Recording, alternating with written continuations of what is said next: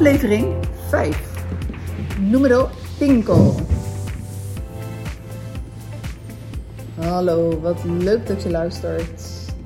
Welkom bij deze pod- en videocast van Jordi Vos Stiefgoed Den Haag Oost en Annette Burgers Stiefgoed Den Haag West. Dit is een exclusieve serie met de titel Samengesteld Gezin Wat Nu. Aflevering 5 vandaag alweer. Ehm, we hebben ontzettend veel vragen gekregen en elke aflevering behandelen we een aantal vragen. Zo ook vandaag weer. We zitten in het Museum in Den Haag en eh, we hebben net weer met glunderende ogen rondgekeken hoe het museum, museum, het museum eruit ziet en wat er allemaal te doen is. Opa's met kleinkinderen, uh, koppels die verliefd liepen te zijn uh, en elkaar liepen te zoenen tussen de oudheid in. En er zijn ontzettend veel doedingen. En vaak is het ook wel de vraag van uh, als je een nieuwe relatie hebt, hoe introduceer je de nieuwe partner? Nou, even dus, die vraag hebben we vandaag niet gekregen in ieder geval. Maar kop hem er even in. en een van de mogelijkheden is, ga naar een museum. En ga zeker naar het museum, want het is super leuk. Als je een nieuwe relatie wil, dan moet je naar het museum, Annette. Zeg je dat nou?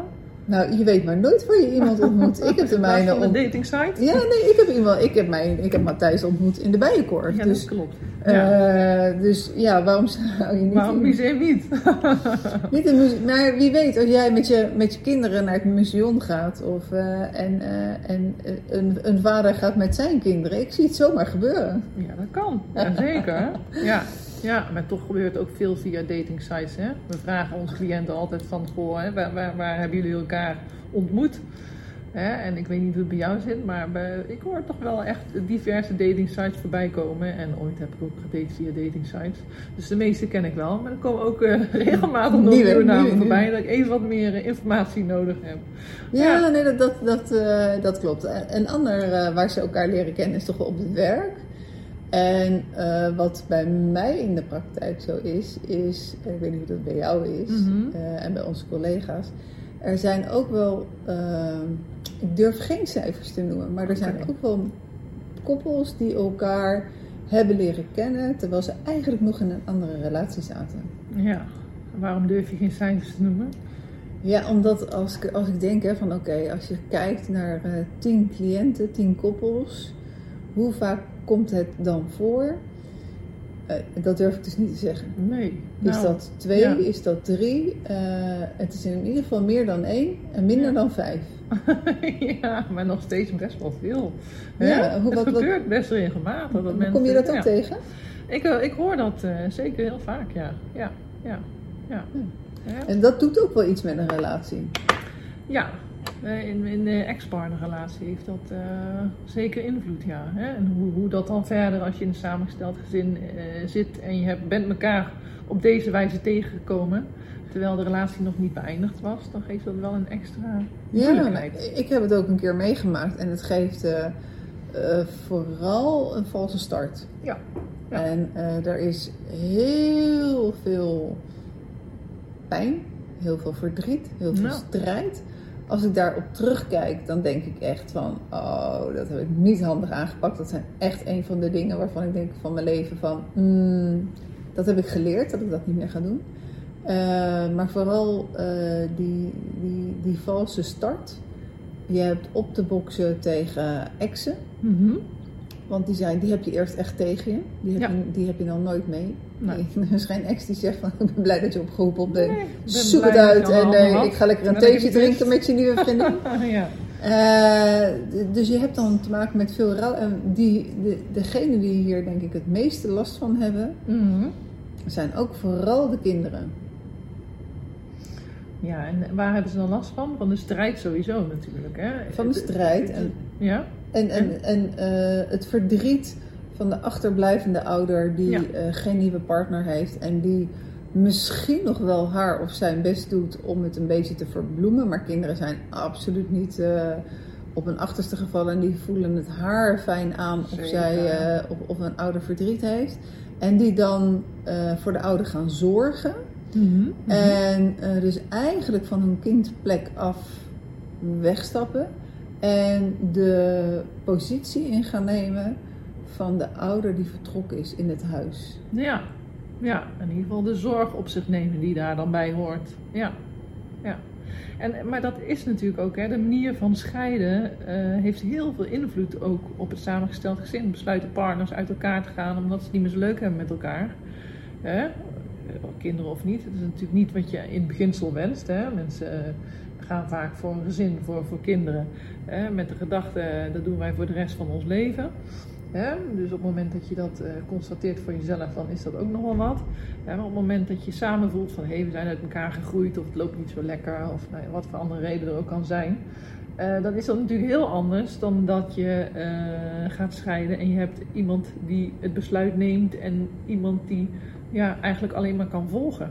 Ja. Hè? En op het moment dat er ook nog sprake van ontrouw is, ja, dan zijn de rapen gaar hè, vaak. In de boosheid en de emoties. Die te, ja, begrijpelijk natuurlijk enorm zijn. Ja. Dat was niet eens de vraag die we kregen. Nee, want we moeten wel over naar de vraag, net. We gaan naar de vraag, absoluut. Jordi, wat ja, is de vraag? de vraag. Nou, beste Annette en Jordi. Mijn naam is Rafael. Ik heb een zoon David uit een vorige huwelijk. David is 7 jaar. Ik ben sinds anderhalf jaar samen met mijn vriendin Sophie en zij is in verwachting. Sophie is super blij, maar ik voel dit niet zo. Ik zou hier eigenlijk heel blij mee moeten zijn en ergens ben ik dat ook wel. Toch voelt het zo niet. Hoe gaat dat straks met een groot leeftijdsverschil tussen de twee kinderen? David is om bij mij en zit helemaal niet op een baby te wachten. En die baby straks is altijd bij ons. Ik denk dat dit heel raar is voor David. Mijn vriendin is echt super gelukkig en baalt ervan dat ik dat anders voel. Uh, zij zit ermee dat ik eerder al een zwangerschap en een bevalling heb meegemaakt met mijn ex. En dat voor haar de eerste keer is. En voor mij dus niet. dit doet haar verdriet. We hebben hier discussies over en dat heeft invloed op de sfeer. Bah, ik word er helemaal onrustig van. Waarom is dit zo moeilijk? Ja, waarom is dit zo moeilijk? Dat is nogal een vraag. Ja, en we weten natuurlijk niet helemaal de situatie. Een vraag met een, door middel van een brief is natuurlijk maar een heel klein stukje. Maar ik herken het wel uit de praktijk. Ik herken het stuk dat, uh, uh, dat we worden eigenlijk allemaal opgevoed nog steeds met een soort van sprookjesideaal over het huwelijk. Terwijl dat de realiteit niet meer is. We worden opgevoed met uh, nou, het wordt nog net niet gezegd van dan komt de prins op het witte paard en, en uh, ze leeft hem nog lang en gelukkig zoals het in de sprookjes gaat. Uh, maar ik denk wel dat wij vrouwen nog steeds, ook de generatie van nu, toch nog het plaatje in de hoofd heeft van je ontmoet iemand en je gaat alles met z'n twee voor het eerst meemaken. Mm. En ik ken zelfs mensen ook uit, uh, uit mijn praktijk, vrouwen die uh, op eh, Tinder gingen en bij zo'n selectie ook hadden dat ze geen mannen met kinderen wilden. Die wilden ze gewoon niet. En in het begin hebben ze dat volgehouden. En, maar toen kwamen ze erachter dat nou, die, die, vrouwen waren wel net ook in de dertig. en dan hadden, gingen ze afspreken met mannen die geen kinderen hadden. En toen hadden ze iets van ja, die, om de een of andere reden vonden ze die niet leuk. niet volwassen genoeg of zo. Of daar was iets mee, de spoorde iets niet. Waardoor ze dachten van ja, nee, ik begrijp wel waarom jij nog nooit uh, getrouwd bent geweest. En uh, samen hebt gewoond en kinderen hebt gekregen. Ja. Dus uh, en de dame die ik in gedachten heb, die, die, die echt per se op zoek was naar een man zonder kinderen, heeft uiteindelijk de profiel veranderd en is, heeft zich opengesteld voor mannen met kinderen. En kwam toen uh, een man tegen met twee dochters. Nou, dat was uh, geen appeltje eitje. Nee. Want die, die moest. Zij had dat ideaalplaatje voor haar voor zich nog steeds. Van ja, uh, de eerste keer trouwen, de eerste keer samenwonen. En nu kwamen die kinderen in haar huis. Mhm. En uh, had zij echt afscheid te nemen en te rouwen uh, om, om los te komen van het idee: ik ben de eerste, ik kom op die eerste plek. Want ten eerste was daar die ex-partner. ten tweede waren er de kinderen. En ten derde, toen kwam zij pas. Ja. En eh, wat wij toen gedaan hebben, is eh, dat zij zichzelf een brief heeft geschreven om daar afscheid van te nemen. Ja, En- Van dat ideaalbeeld. Want even heel eerlijk, op het moment, wij groeien op. Natuurlijk niet met het beeld van, goh, eh, later als ik groot ben, dan ben ik niet de eerste, maar dan ben ik de tweede.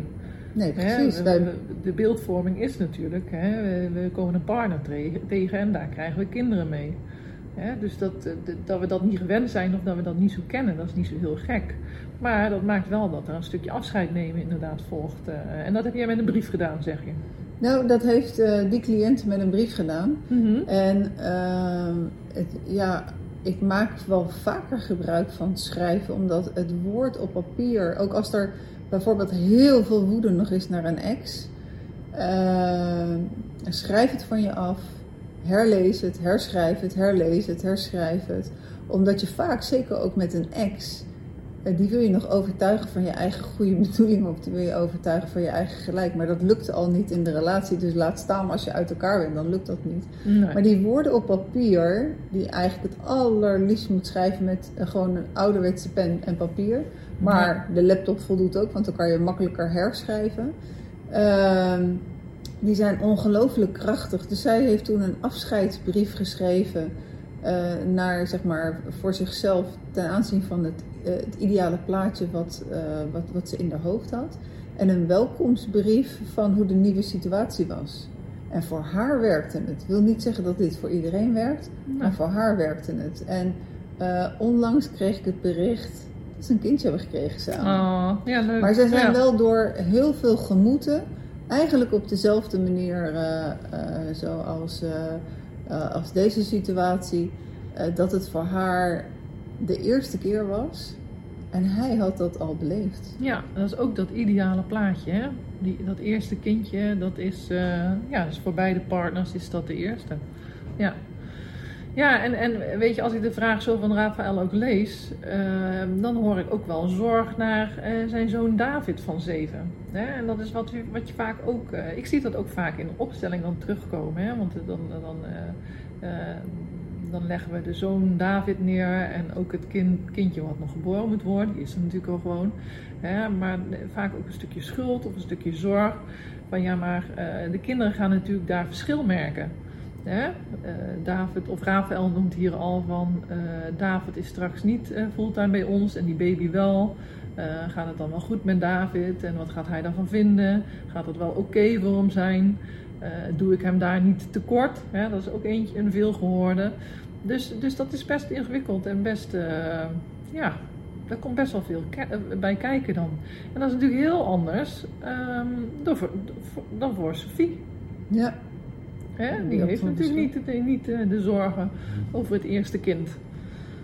Hè? Of dat wel of niet goed gaat. Wat ik wel dan weer bij eh, stiefmoeders hoor: van goh, hoe doen we dat dan ehm, tijdens de bevalling?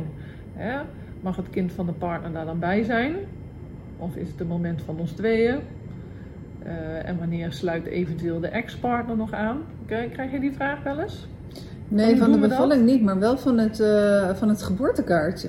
Oké, Als, mogen. als, als soms ehm, vrouwen in deze positie, als ze eh, niet goed door de deur kunnen met de, met de kinderen van hun partner, daar toch een kind mee krijgen, dan willen ze soms die stiefkinderen niet op het geboortekaartje. Ja, ja. Nou, dat is ook nogal wat. Hè? Dat is een waanzinnig Ja, ding. ja, en kom daar maar eens uit met z'n tweeën. Hè, maar dat is ook heel erg eh, zoeken met elkaar naar, ehm, naar ja, de redenen daarvoor en de, de gevoelsaspecten ook die daarbij komen krij- eh, kijken. Hè, waarin voel je je wel of niet gezien? Waar is nog een stukje erkenning op nodig? Ehm, wat je in zo'n opstelling in deze situatie bijvoorbeeld heel mooi zou kunnen doen. Ja, hoe zou je die opstelling doen? Wat bedoel je? Nou, dat je echt met elkaar onderzoekt van oké, wat, wat gaat er dan eh, door David heen, en David heen en waar ben je dan zo bang voor? En misschien had Sofie daar helemaal geen weet van. En wellicht eh, was Sofie nog niet helemaal op de hoogte van de gevoelens van Rafael. naar zijn zoon David toe en de schuld die daarbij komt kijken. Zijn toch belangrijke zaken om uitgesproken te hebben, om uiteindelijk ook samen toch dat geluk te kunnen beleven van dat uh, van dat babytje, van dat kindje. Ja, het is wel echt de bedoeling dat je er allebei waanzinnig van kan genieten ja, natuurlijk. Nou, ja. Dat vind je ze natuurlijk ook van harte. Dus die communicatie uh, is weer uh, van essentieel belang, hè? van je behoeften en je gevoelens om, die, om je veilig te voelen in de relatie en die te kunnen uiten. Ja. ja. Een wijs man, Piet Wijsveld, heeft ooit de opmerking gemaakt dat, dat je partner het recht heeft om op de hoogte te zijn van je gedachten die te maken hebben met je relatie. In het begin heb ik me daar heel erg tegen verzet. maar in Waarschijnlijk ben je niet de enige. ik kan me er iets bij voorstellen. Ja. Maar ik ben wel gaan beseffen daarna, hoe lang ik erover nadacht. Ja, hij heeft gewoon gelijk. Sowieso als Piet Wijsveld iets zegt, dan heeft hij gelijk voor mij. Mhm, maar mhm. Ehm, ja, als, als er zoiets essentieels is uh, dat dit in de weg staat. Hè, dus dat dat in de, in de ruimte tussen jou en je partner staat. Dat je daar last van gaat krijgen. Kijk, als je dit niet goed met elkaar kan bespreken, dan gaat het een heel groot ding worden. En dan, ja, dan is een glijden in de schaal volgens mij. Want dan ga je geen intimiteiten meer delen. Dan voel je je niet veilig genoeg om, uh, om dit soort belangrijke issues met elkaar te bespreken. Ja, en Piet noemde het dan een recht, hè? maar het is natuurlijk ook van groot belang dat dat gebeurt. Absoluut, absoluut. Ja, om te weten wat zit er in die onderlaag. Hè? Want hoe dan ook gaat het ergens een rol spelen. Um, en ook dit is ook gewoon echt wel weer een stukje afscheid nemen uh, van iets wat er niet is. Ja, en tegelijkertijd heb ik ook de neiging om heel praktisch ook, want er staat ook een angst van. Uh, mm uh, van ja, hoe, hoe is dit voor David? Een groot leeftijdsverschil. Ehm, en soms, en ik weet niet of dat hier zo is hoor, en ik weet niet of, je ook, of ik het goed genoeg uitleg wat ik bedoel. Soms komen mensen, zoals in dit geval Raphaël, met iets vanuit het kind. Terwijl het eigenlijk zijn angst is, maar voor het kind helemaal niet hoeft zo te zijn. Ja. Dus er wordt iets als een argument gebruikt, terwijl uh, je, daar nog geen bewijs van is. En dus ik kom ook gelijk in de praktische zin van uh, het betrekken van, uh, van, van David bij, bij de geboorte, om hem daar een onderdeel, een rol, een plek te geven van wat weer leuk, keuzes van zijn kamertje zelf, te, welke kleur, hij zal waarschijnlijk van kamer veranderen, dat de babykamer uh, voor, voor, de baby wordt en dat hij een wat, wat peuterkamer misschien wel krijgt. Maar goed, en dat gaat ook weer over het bespreken van hetgene wat door jou heen gaat, maar ook daarmee openleggen uh, wat de kinderen bezighoudt. Hè? En wat je aangeeft, dat hoeft niet één op één hetzelfde te zijn. Soms maken we ons zorgen over dingen waar onze kinderen helemaal niet mee bezig zijn. Hè? Dus dan is dat bijna ingevuld. En dat wil niet zeggen dat ze er dan niet mogen zijn. Maar ga het gesprek inderdaad aan, ook met de kinderen. Van ja, hoe is dit dan voor jou? Op het moment dat jij minder vaak bij papa bent en de baby wel. Hoe, hoe kijk je daar tegenaan? Vind je dat vervelend? Vind je dat wel oké? Soms zeggen kinderen ook heel snel, nee, dat is toch logisch? Dat snap ik wel. Ja. Dat het voor hun bijna uh, één op één duidelijk is. Dus dat, uh, dat gesprek is dan ook belangrijk. En ook om daar de kinderen dan weer mee te nemen. en voor Sophie in dit geval want Sophie die zegt, uh, ja, die loopt er natuurlijk tegenaan dat zij hartstikke blij is en Rafael dan iets minder. Op het moment dat je daar het gesprek dan over aan kunt gaan, ja, wellicht komt dat dan ook wel dichter bij elkaar te liggen. als je elkaar begrijpt op dat stukje. Ja, het, en het, is wel, ja, vereiste is een beetje een, een, een, een raar woord in deze, maar het is toch wel heel fijn als je in blijdschap samen een kind op de wereld kan zetten. Wat overigens, wat mij ongelooflijk verwonderde toen ik uh,